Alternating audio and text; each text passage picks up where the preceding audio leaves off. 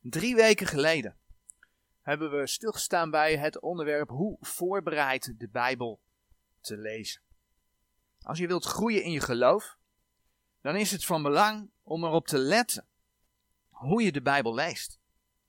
Het begint met de vraag of je de, daar hebben we toen bij stilgestaan, of je de wil hebt, of je de nederige wil hebt, om Gods woorden, ja, als je ze leest, om Gods woorden te leren en te doen. Want dat woord van God is als een spiegel. Dat woord van God gaat op een gegeven moment laten zien wie je bent. Ja, en er zijn onderwerpen in Gods woord. Die je, we gaan er even van uit dat je tot geloof gekomen bent. Die je, nou noem het maar even, leuk vindt. Die je wel liggen. En dan is het makkelijk om de Here daarin te volgen. Maar ook als gelovige ben je mens. En ja, we worden aangeraden hè, in Romeinen om ons vlees voor dood te houden. Maar zolang we hier op aarde zijn, leven we nog steeds in dat lichaam. In dat vlees. En dat betekent dat we dat vlees ook zo af en toe tegenkomen. En dat betekent dat als je Gods woord leest, dat je regelmatig dingen zult tegenkomen die tegen je vlees ingaan. Ja, en dan is het niet de bedoeling dat als je dan in die spiegel kijkt en je komt jezelf tegen, dat je dan hard wegloopt van die spiegel en vergeet wat je gezien hebt. Maar dan is het juist de bedoeling, ja, om voor jezelf tot de waarheid te komen. Om voor jezelf tot de waarheid te komen en er in het licht van Gods woord mee aan de slag te gaan. Verder zagen we dat het van belang is dat je je daarbij openstelt voor de leiding van Gods geest. Dat je de Heer vraagt om zijn leiding bij het lezen. Dat je de houding hebt van het niet op zoek gaan naar zogenaamde fouten in de Bijbel. Maar dat je de houding hebt dat je de Heer gelooft op zijn woorden. Gelooft op zijn bewaarde woorden. En de vraag bij dat alles is: heb je inderdaad de intentie, de wil om te groeien? Nou, vandaag. En daarvoor heb ik dat blad uitgedeeld.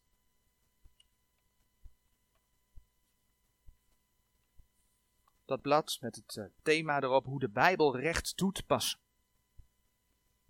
Vandaag wil ik een hulpmiddel meegeven bij het lezen van Gods Woord. Het zijn een aantal aandachtspunten waar je bij het lezen van Gods Woord rekening mee kunt houden. Aandachtspunten die je helpen te zoeken naar de toepassing van een gelezen schriftgedeelte gewoon in het dagelijks leven.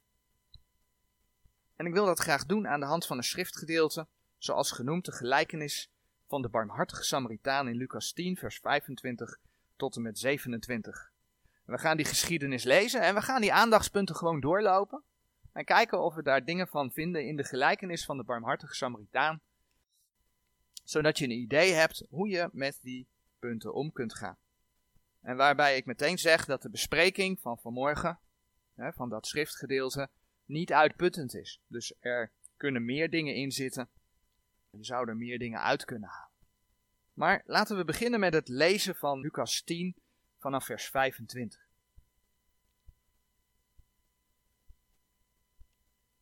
Lucas 10 vanaf vers 25 tot en met 37. En zie, een zeker wetgeleerde stond op, hem verzoekende en zeggende: Meester, wat doende zal ik het eeuwige leven beërven? En hij zeide tot hem: Wat is in de wet geschreven? Hoe leest gij? En hij antwoordende zeide: Gij zult de Heere uw God lief hebben uit geheel uw hart, en uit geheel uw ziel, en uit geheel uw kracht, en uit geheel uw verstand, en uw naaste als uzelf. En hij zeide tot hem, Gij hebt recht geantwoord, doe dat en gij zult leven. Maar hij willende zichzelf een rechtvaardige zeide tot Jezus, en wie is mijn naaste? En Jezus antwoordende zeide, een zeker mens kwam af van Jeruzalem naar Jericho en viel onder de moordenaars, welke hem ook uitgetogen en daartoe zware slagen gegeven hebbende, heen gingen en lieten hem half dood liggen. En bij geval kwam een zeker priester, dezelfde weg af en hem ziende, ging hij tegenover hem voorbij. Desgelijks ook een leviet. Als hij was bij die plaats, kwam hij en zag hem en ging tegenover hem voorbij. Maar een zekere Samaritaan reizende kwam omtrent hem, en hem ziende werd hij met innerlijke ontferming bewogen. En hij tot hem gaande verbond zijn wonden, gietende daarin de olie en wijn, en hem heffende op zijn eigen beest, voerde hem in de herberg en verzorgde hem. En des andere daags weggaande, langde hij twee penningen uit en gaf ze de waard, en zeide tot hem, draag zorg voor hem, en zo wat gij meer aan hem ten koste zult leggen, dat zal ik u wedergeven als ik wederkom. Wie dan van deze drie dunkt u de naaste geweest te zijn, desgene die onder de moordenaars gevallen was? En hij zeide die barmhartigheid aan hem gedaan heeft. Zo zeide dan Jezus tot hem, ga heen en doe gij des gelijks.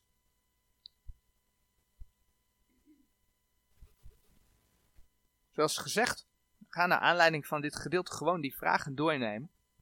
En kijken of we daar antwoorden op vinden.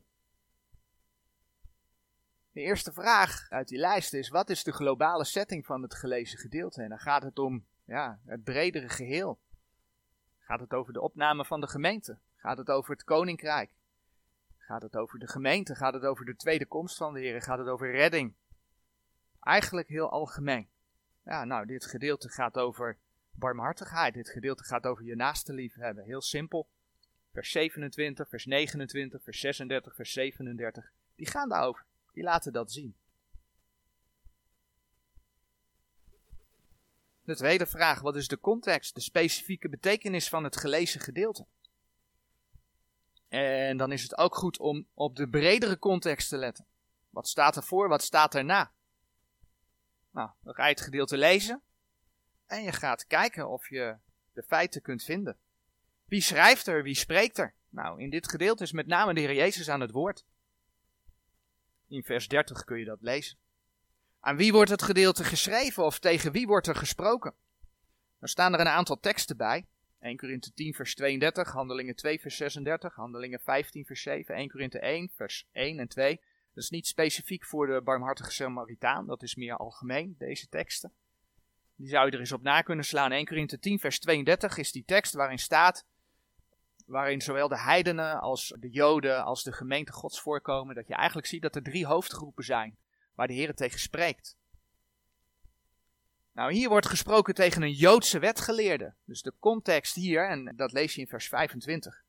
Er gesproken wordt tegen een Joodse wetgeleerde. De context hier is Joods. Vraag 2c.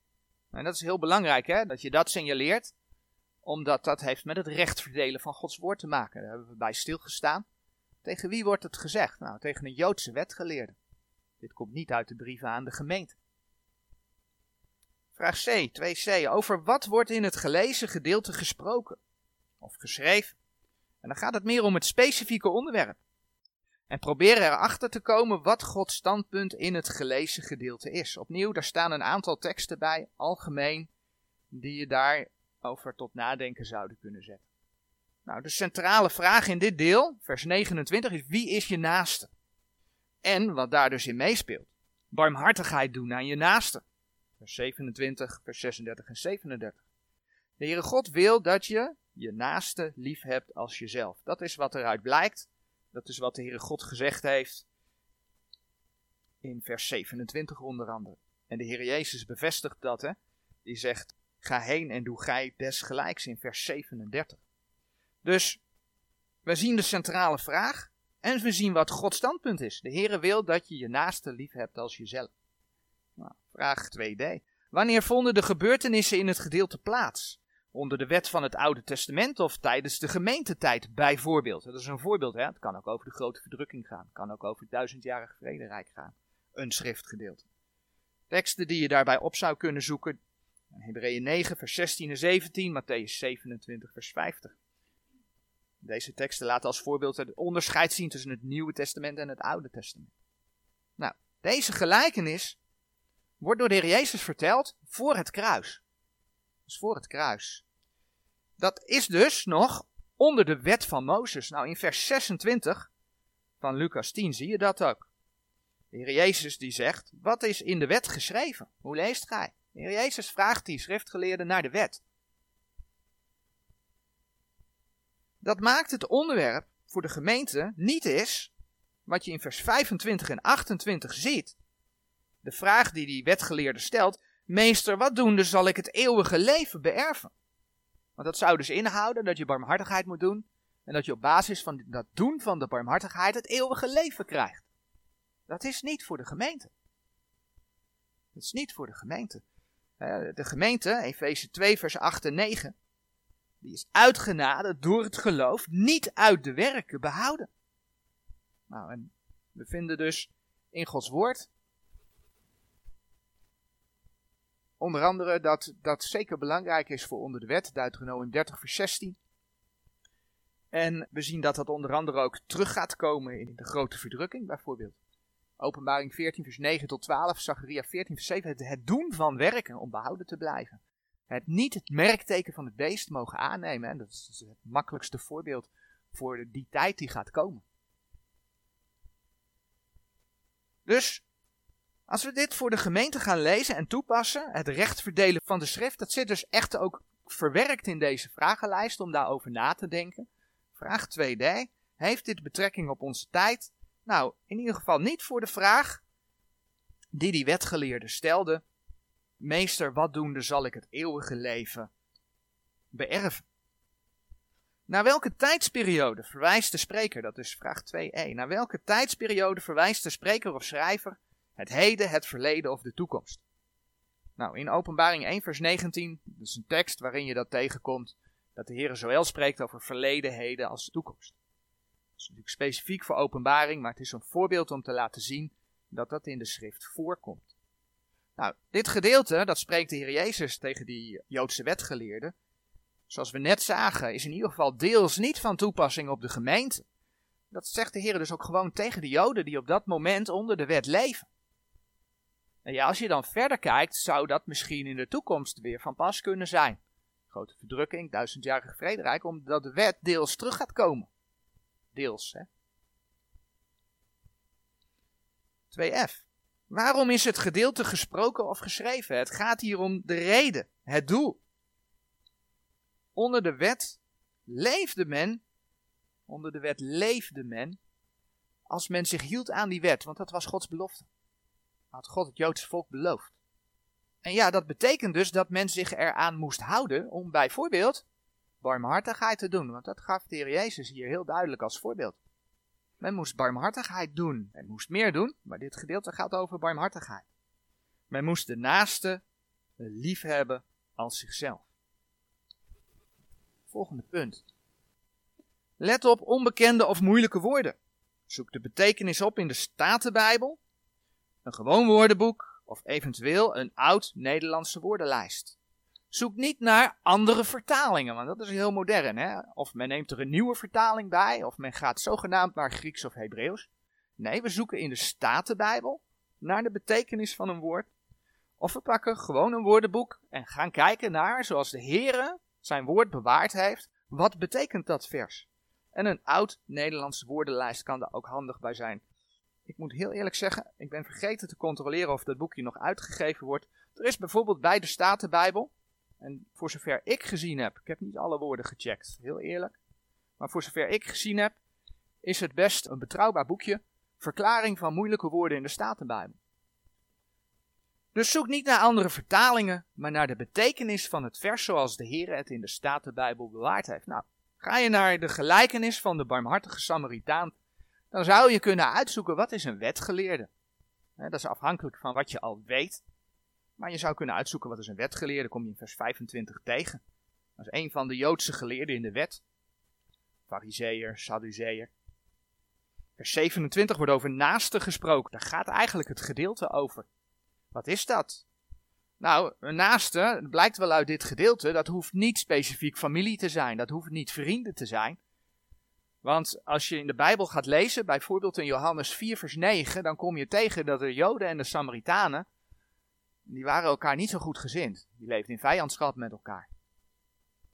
En toch is het die Samaritaan, die die Jood, helpt.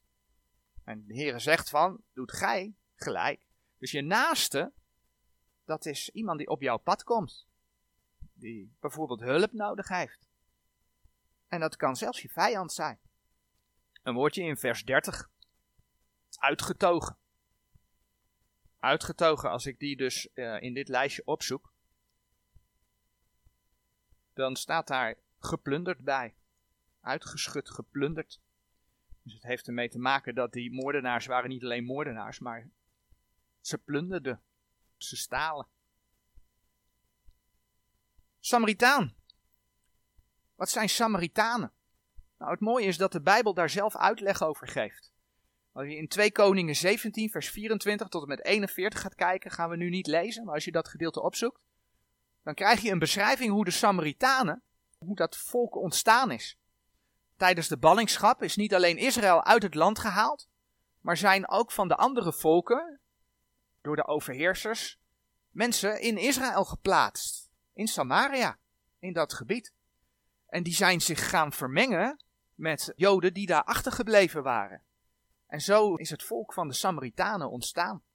Nou, 2 Koningen 17, vers 24 tot 41 spreekt daarover. Nou, en zo zijn er nog meer moeilijke woorden. Lang de hij, betekent nam hij. En, wat is een penning? Nou, een penning is een dagloon van een arbeider. Als ik het goed onthoud heb, ging het om twee penningen die die waard kreeg. Dus hij kreeg twee daglonen. Omdat hij de Samaritaan hielp. Vraag 4. Zoek naar symbolisch en figuurlijk taalgebruik in het schriftgedeelte. Let op of er sprake is van typen. Nou, als je dit gedeelte leest over de barmhartige Samaritaan, dan zie je daar niet echt symbolische taal in staan. Je ziet ook niet echt figuurlijke taal. Wat je wel ziet, is dat er sprake is van type. En daar willen we iets uitgebreider naar kijken. Het mooie is dat je in, even kijken, Lucas 10 vers 30 leest. En Jezus antwoordende zeide, een zeker mens kwam af van Jeruzalem naar Jericho. Daar staat kwam af. Wat zou dat nou betekenen? Dat die zeker mens afkwam van Jeruzalem naar Jericho. Nou, het feit doet zich voor dat Jeruzalem vrij hoog ligt en dat Jericho vrij laag ligt. Met andere woorden, die eh, man die kwam af. Die daalde af van Jeruzalem naar Jericho. Gewoon een letterlijke, gewoon wat er staat, een letterlijke afdaling. Dat is heel letterlijk ook vertaald in Gods woord terechtgekomen. Wat zich ook voordoet, is dat je, en dan gaan we naar de type toe, weet ik denk dat we het allemaal weten, dat Jeruzalem de heilige stad genoemd wordt in Gods woord. Onder andere in Nehemia 11 vers 1 kom je dat tegen. Daarentegen is Jericho, Jozua 6 vers 26, Jericho is vervloekt. Jericho is vervloekt. Dus wat je ziet gebeuren, als type, is dat er een man afdaalt, hij gaat naar beneden, hij daalt af van de zegen van God naar de vloek van God. Eigenlijk iemand die de Heere God de rug toekeert en de wereld ingaat, die de zonde ingaat. En dan lees je dus, een zeker man kwam af van Jeruzalem naar Jericho. Letterlijk, maar typologisch dus ook.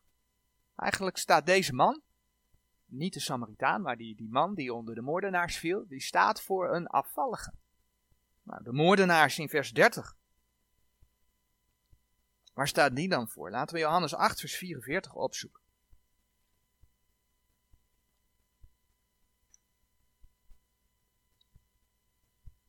Johannes 8, vers 44 zegt: Gij zijt uit de vader de duivel en wilt de begeerte uw vaders doen. Die was een mensenmoorder van den beginnen en is in de waarheid niet staande gebleven. Want geen waarheid is in hem. Wanneer hij de leugen spreekt, zo spreekt hij uit zijn eigen, want hij is een leugenaar en de vader derzelfde leugen. De duivel is dus een mensenmoorder van den beginnen. Die moordenaars die staan voor de vijand van God, voor de duivel. Want die is maar op één ding uit: en dat is de eeuwige verlorenheid van de mens. Maar als het om de gelovige gaat, om uitschakeling van de gelovigen. Krijg je de priester en de leviet in vers 31 en vers 32 van Lucas 10. Ja, dat zijn de religieuzen. Dit zijn niet de gelovigen die bij de zegen van God zijn, maar zij daalden net als de man die onder de moordenaars viel, daalden af van Jeruzalem, van Gods zegen naar Gods vloek, naar Jericho. Het zijn de religieuzen. Religieuzen die niets voor je kunnen betekenen. Niet als zondaar, want ze kunnen je niet op Jezus Christus wijzen. Maar ook niet als gelovige. Als gelovige die afdwaalt. Ze laten je gewoon in je ellende zitten. Laat die zitten. Ze betekenen niets voor je. Maar wie is dan de Samaritaan? Vers 33. Heel bijzonder misschien, maar die Samaritaan, die staat voor de Heer Jezus. Want de Heer Jezus alleen kan je helpen. Als je denkt aan de goddeloze, hij wil de goddeloze redden. Maar de vraag is of de goddeloze dat ook wil. Maar als gelovige die afdwaalt, kan de Heer je weer op het rechte pad brengen. Als jij je zonde beleidt, 1 Johannes 1 vers 9, daar hebben we wel vaker bij stilgestaan. Als jij je zonde beleidt, dan doet hij ze weg. Dan is de relatie met de Vader is weer goed. Dat de Samaritaan, in dit geval, in deze gelijkenis, half Joods is en half heidens. Dat doet aan de typologie helemaal niets af. Want als je gaat kijken Onder andere, uh, laten we 1 Korinthe 12 vers 13 opzoeken. Je kunt het ook in Efeze 2 vinden, onder andere vers 16. Maar laten we 1 Korinthe 12 vers 16 opzoeken. Dan zie je dat het lichaam van de Heer Jezus bestaat uit gelovige heiden, wederom geboren heiden en wederom geboren Jood.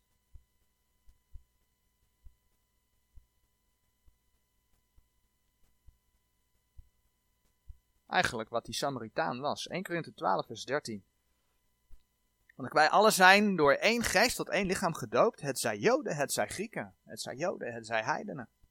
Het zij dienstknechten, het zij vrij. En wij zijn alle tot één geest gedrenkt. Maar Jood en heiden, beide wederom geboren, zijn één in Christus. Ja, en het was de Heer Jezus die met de mensen begaan was. Het was de Heer Jezus die de mensen opzocht. Matthäus 9, vers 36 is daar een mooi voorbeeld van. Het was zijn barmhartigheid dat hij voor de mensen gestorven en opgestaan is. 1 Petrus 1, vers 3.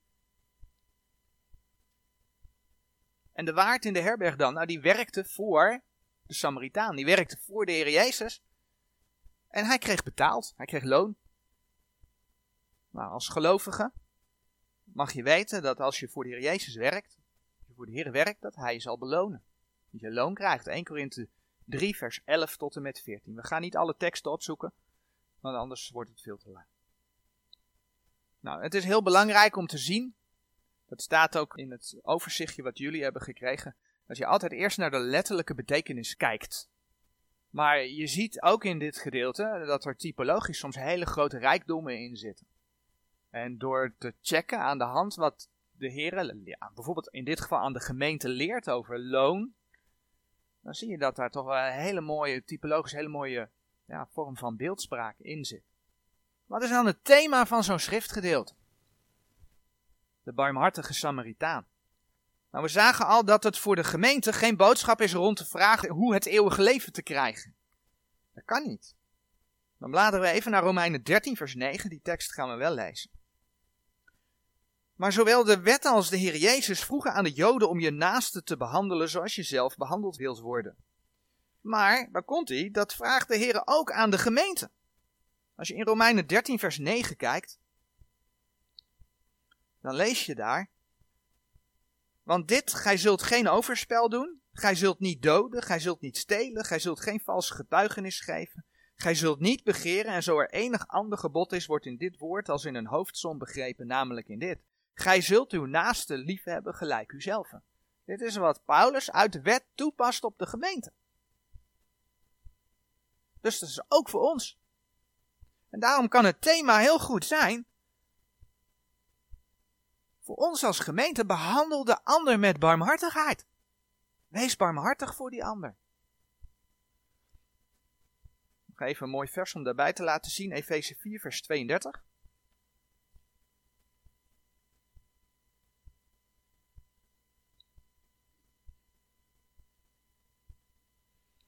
Maar zijt jegens elkander goede tieren, barmhartig, vergevende elkander gelijkerwijs ook God in Christus u lieden vergeven heeft. De Heer vraagt dus dat we barmhartig zijn. In de brieven aan de gemeente. Nou, geestelijk gezien, we hebben net de typologische uitwerking deels gezien. De Heere God is barmhartig. Wij hebben het nergens aan verdiend dat de Heer Jezus voor onze zonde gestorven is. We waren vijanden van God, zegt Romeinen 5 vers 10. Toen we in de zonde waren. En het is Gods barmhartigheid dat de Heere dat gedaan heeft. Laten we naar Titus 3 vers 5 bladeren. Dat de Heere dat voor ons gedaan heeft, dat hij naar ons toegekomen is. Dat is barmhartigheid van God. Titus 3 vers 5 zegt, heeft hij ons zalig gemaakt niet uit de werken der rechtvaardigheid die wij gedaan hadden, maar naar zijn barmhartigheid, door het bad der wedergeboorte en vernieuwing des heiligen geestes. Je zou daar ook 1 Petrus 1 vers 3 bij op kunnen zoeken. Dus het thema zou ook kunnen zijn de barmhartigheid des Heren. Zijn barmhartigheid voor de mens. Voor jou als gelovige. Nou, 5b. Ben je met zo'n schriftgedeelte bezig? Lees het over en over totdat je het thema ziet. Vaak zie je het bij één keer lezen, zie je het niet, ga je het nog een keer lezen. Wordt het misschien wat duidelijker en is het nog niet helemaal duidelijk, lees je het nog een keer, totdat het wel helder is. Nou, in dit gedeelte over de barmhartige Samaritaan staan niet heel direct beloften die de gelovige vandaag de dag kan claimen. Dus gaan we verder naar de volgende. Het is dus niet zo dat elke vraag altijd antwoord behoeft uit die lijst als je naar een Bijbelgedeelte kijkt. De toepassingen van het gelezen schriftgedeelte in de dagelijkse praktijk. Welke geboden? Ja, en geboden staan tussen quotejes, want het gaat niet altijd om letterlijke geboden zoals het in de wet stond, maar wel dingen waarvan de Heere God zegt dat hij het fijn vindt als je die doet. En ja, voorbeelden daarvan. Wat zijn daar dan voorbeelden van? Nou, bijvoorbeeld dat de Heere God de eerste plaats in ons leven behoort te krijgen. Dat haal je uit Lucas 10, vers 27. Het is al een paar keer genoemd, behandel de ander zoals je zelf behandeld wilt worden. Wees barmhartig. Efeze 5, vers 32 bij opzoeken. Heb je vijanden lief? Matthäus 5, vers 44. Romeinen 12, vers 20. Maar ook, word niet wereldgelijkvormig. Hè? Denk aan die man, en dat, dat halen we dan uit de, uit de geestelijke verklaring, die afdaalde van Jeruzalem naar Jericho. Word niet wereldgelijkvormig.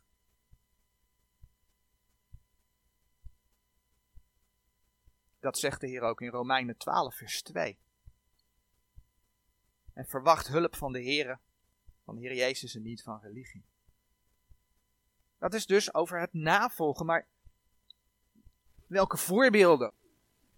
Welke voorbeelden dienen nagevolgd te worden? Nou, het mooie voorbeeld is natuurlijk het voorbeeld van de barmhartige Samaritaan. Wees barmhartig, zelfs voor je vijanden, want dat is wat de Heer ook voor jou gedaan heeft. Hij is barmhartig voor jou.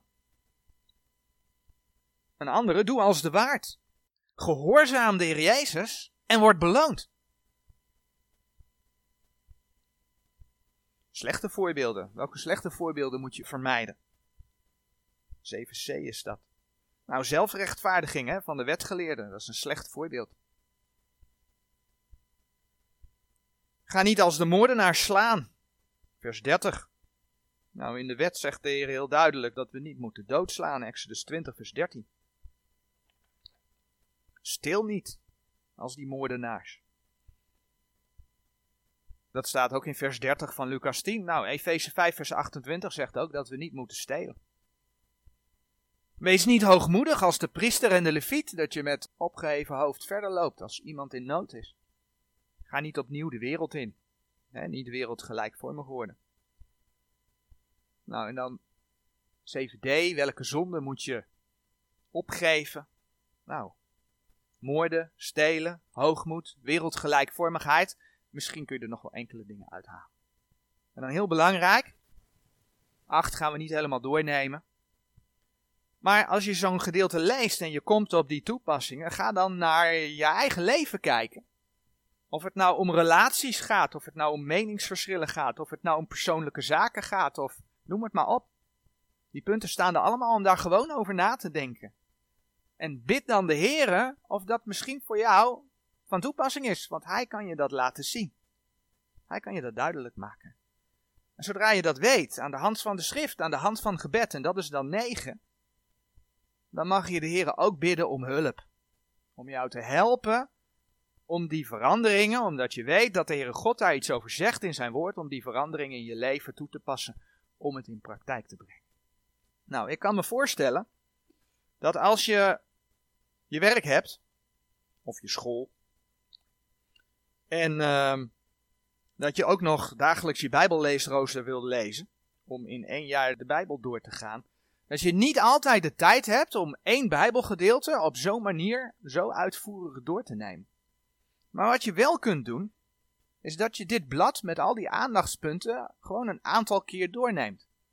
Want dat maakt dat je die vragen in je hoofd hebt zitten. En als je een Bijbelgedeelte dan gaat lezen, dan ga je daar vanzelf over nadenken. Dan ga je dat in je hoofd een plekje geven. Wat je ook kunt doen, is dat je voor jezelf een paar schriftgedeeltes neemt en gewoon voor jezelf dat eens een keer gaat uitwerken aan de hand van die vragen. Want op het moment dat je dat voor jezelf een keer uitgewerkt hebt, dan blijft dat veel beter in je hoofd zitten. En als je dan de volgende keer zo'n schriftgedeelte leest, dan kun je dat toepassen. Nou, misschien dat jullie dit kan helpen bij het Bijbellezen, bij het erover nadenken, bij het toepassen ervan. Amen.